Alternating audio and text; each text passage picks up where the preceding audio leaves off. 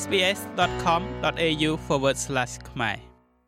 ខណៈពេលដែលប្រជាជនអូស្ត្រាលីកំពុងតែប្រឈមមុខនឹងវិបត្តិថ្លៃចំណាយក្នុងការរស់នៅ មហាសេដ្ឋីពាន់លានរបស់ប្រទេសនេះ បាននឹងកំពុងតែបំបែកកំណត់ត្រាទ្រព្យសម្បត្តិរបាយការណ៍ថ្មីរបស់ Oxfam ដែលមានឈ្មោះថា Inequity Inc ដែលមានន័យថាវិសមភាព បង្ហាញពីទ្រព្យសម្បត្តិរបស់មហាសេដ្ឋីចំនួន47រូបរបស់អូស្ត្រាលី ដែលបានកើនឡើងទ្វេដងដល់255,000លានដុល្លារក្នុងរយៈពេល2ឆ្នាំចុងក្រោយនេះនេះតំណាងឲ្យទ្រព្យសម្បត្តិកាន់តែច្រើនស្ថិតនៅក្នុងដៃរបស់មនុស្ស47នាក់ជាជាងប្រជាជនអូស្ត្រាលីប្រមាណជា7លាន7សែននាក់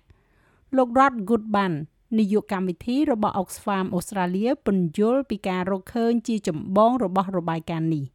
The wealth of the three richest Australians has more than doubled ទ្រព្យសម្បត្តិរបស់ជនជាតិអូស្ត្រាលីដែលមានជាងគេបំផុតទាំង3រូបបានកើនឡើងទ្វេដងចាប់តាំងពីឆ្នាំ2020មកក្នុងអត្រាដ៏គួរឲ្យភ្ញាក់ផ្អើលនៃ1លាន5សែនដុល្លារក្នុង1ម៉ោងហើយវាកើតឡើងក្នុងពេលតែមួយដែលមនុស្សរាប់ពាន់លាននាក់នៅជុំវិញពិភពលោកពិតជាជួបការលំបាកនៅក្នុងជីវភាពរស់នៅយើងដឹងអំពីវិបត្តិថ្លៃចំណាយការរស់នៅក្នុងប្រទេសអូស្ត្រាលីហើយមានមនុស្សជាច្រើននៅជុំវិញពិភពលោកដែលបានដើរថយក្រោយក្នុងពេលតែមួយខណៈដែលមហាសេដ្ឋីប្រាក់លាននិងមហាសេដ្ឋីពាន់លានទាំងនេះបានបន្តប្រមូលទ្រព្យសម្បត្តិដ៏ច្រើនសន្ធឹកសន្ធាប់អ្វីដែលយើងកំពុងមើលឃើញនៅឆ្នាំនេះនិងក្នុងទសវត្សរ៍នេះគឺការប្រមូលផ្ដុំគំនូរទ្រព្យសម្បត្តិដែលកំពុងតែកើនឡើងនិងការប្រមូលផ្ដុំទ្រព្យសម្បត្តិសម្រាប់អ្នកមានកម្ពូលកម្ពូលខណៈដែលមនុស្សម្នាកំពុងតែដើរថយក្រោយ នៅប្រទេសអូស្ត្រាលីប្រជាជនដែលទទួលបាននៅជំនួយប្រាក់ចំណូលពីរដ្ឋកំពុងតែទទួលទានអាហារតិចជាងមុនឬក៏រំលងអាហារពេលខ្លះដោយសារតែថ្លៃចំណាយនៅក្នុងការរស់នៅកើនឡើងនេះបានជំរុញឲ្យមានការអំពាវនាវឲ្យរដ្ឋាភិបាលអូស្ត្រាលីកាត់បន្ថយគម្លាតរវាងអ្នកមានកម្ពូលកម្ពូល និងអ្នករស់នៅក្នុងសង្គមផ្សេងទៀតដោយការផ្លាស់ប្ដូរប្រព័ន្ធពន្ធប៉ុន្តែលោក Brandon Rand ប្រធានសេដ្ឋវិទូនិងជាដៃគូនៅ KPMG អូស្ត្រាលី មានប្រសាសន៍ថាបញ្ហាទាំងពីរនេះមិនតាក់ទងគ្នាទេ There are in fact two different issues. Um the um what you've seen តាមពិតទៅវាជាបញ្ហាពីរផ្សេងគ្នា អ្វីដែលអ្នកបានឃើញតាក់ទងនឹងមហាសេដ្ឋីពាន់លានទាំងនេះបង្កើនស្ថានភាពទ្រព្យសម្បត្តិរបស់ពួកគេឲ្យកាន់តែប្រសើរឡើង គឺសំខាន់ព្រោះអាជីវកម្មដែលពួកគេបានបណ្ដាក់ទុនបានរីកចម្រើននៅក្នុងអំឡុងពេលប្រមាណឆ្នាំចុងក្រោយនេះក្នុងអត្រាដ៏ខ្លាំងមិនគួរឲ្យជឿវិបត្តិថ្លៃចំណាយក្នុងការរស់នៅ គឺជារឿងដែលខុសគ្នា នោះ ស្ដីអំពីអតិផរណាដែលត្របាក់យកអំណាចក្នុងការទិញពិតប្រកបរបស់ក្រុមគ្រួសារហើយច្បាស់ណាស់អ្វីដែលអ្នកបានឃើញគឺថាស្ទើរតែគ្រប់លំដាប់ថ្នាក់នៅក្នុងប្រទេសអូស្ត្រាលីប្រាក់ចំណូលក្រោយពេលបង់ពន្ធរបស់ពួកគេសប្តាហ៍នេះគឺតិចជាងមុនតិចជាងកាលពី2ឆ្នាំមុនទោះជាយ៉ាងនេះក្តីការផ្លាស់ប្ដូរប្រព័ន្ធពន្ធនឹងត្រូវតែធ្វើឡើង រដ្ឋាភិបាលអូស្ត្រាលីកំពុងតែសម្លឹងមើលលើការអនុវត្តប្រព័ន្ធពន្ធដំណាក់កាលទី3នៅដើមខែកក្កដាឆ្នាំនេះវិធានការនេះនឹងលុបចោលដង្កៀបពន្ធ37%ហើយកាត់បន្ថយអត្រាពី32.5%ទៅ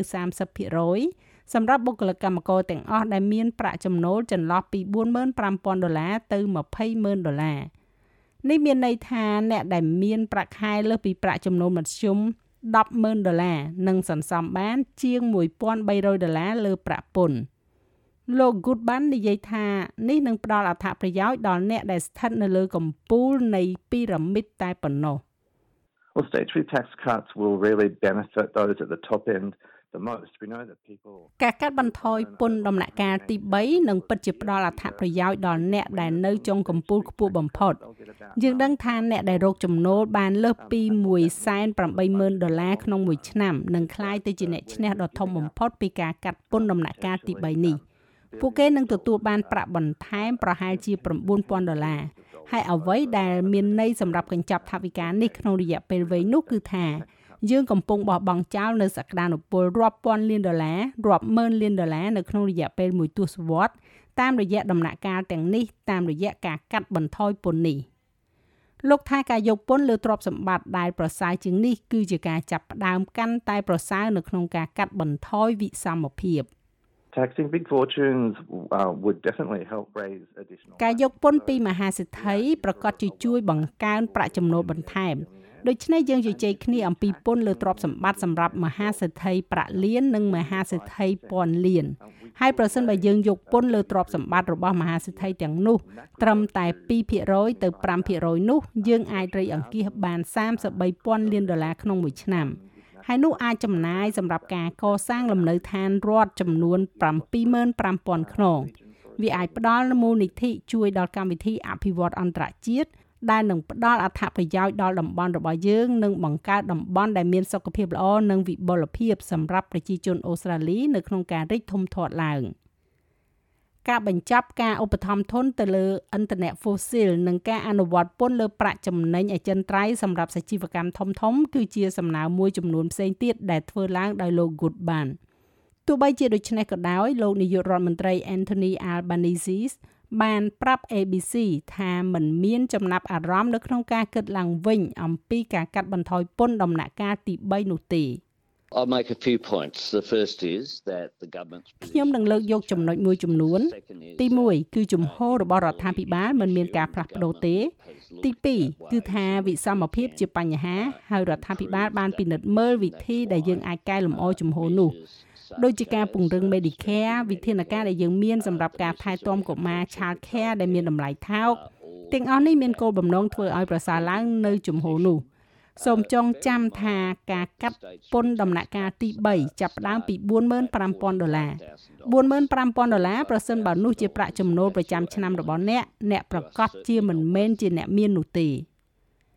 យ៉ាងណាក៏ដោយក្រុមប្រឹក្សាសេវាកម្មសង្គមអូស្ត្រាលីនិយាយថាប្រជាជនក្នុងទំហំទ្រព្យសម្បត្តិអ្នកមានកម្ពូល20%កាន់កាប់ស្ទើរតែ2ភាគ3នៃទ្រព្យសម្បត្តិទាំងអស់នៅក្នុងប្រទេសអូស្ត្រាលីជាមួយនឹងវិសមភាពនៅតែជាបញ្ហានៅក្នុងប្រទេសនេះលោក Good បាននិយាយថាមានតែការផ្លាស់ប្ដូរផ្នត់គំនិតរបស់រដ្ឋាភិបាលទេដែលនឹងអាចផ្លាស់ប្ដូរការពិតនោះបាន There is a real need for governments to step in មានតម្រូវការពិតប្រាកដសម្រាប់រដ្ឋាភិបាលនៅក្នុងការឈានជើងចូលនិងចាត់វិធានការកាន់តែខ្លាំងឡើងដើម្បីធ្វើអន្តរាគមន៍ហើយវិធីមួយដែលពួកគេអាចធ្វើនោះគឺដើម្បីទាញយកធនធានទ្រព្យសម្បត្តិនិងប្រាក់ដែលមាននៅក្នុងប្រព័ន្ធនេះហើយផ្ដល់វាដោយផ្ទាល់ទៅកម្មវិធីដែលធ្វើការដើម្បីលុបបំបាត់ភាពក្រីក្រ ដើម្បីជួយជំវិញបញ្ហាសុខភាពនិងការអប់រំ។ ដូច្នេះមានតែរដ្ឋាភិបាលទេ ដែលអាចធ្វើរឿងនេះបានចាស់ហើយរបាយការណ៍នេះចងក្រងឡើងដោយ Andriana Venistock សម្រាប់ SBS News ហើយប្រែសម្រួលសម្រាប់ការផ្សាយរបស់ SBS ខ្មែរដោយនាងខ្ញុំហៃសុផារ៉ានីចុច like share comment និង follow SBS ខ្មែរនៅលើ Facebook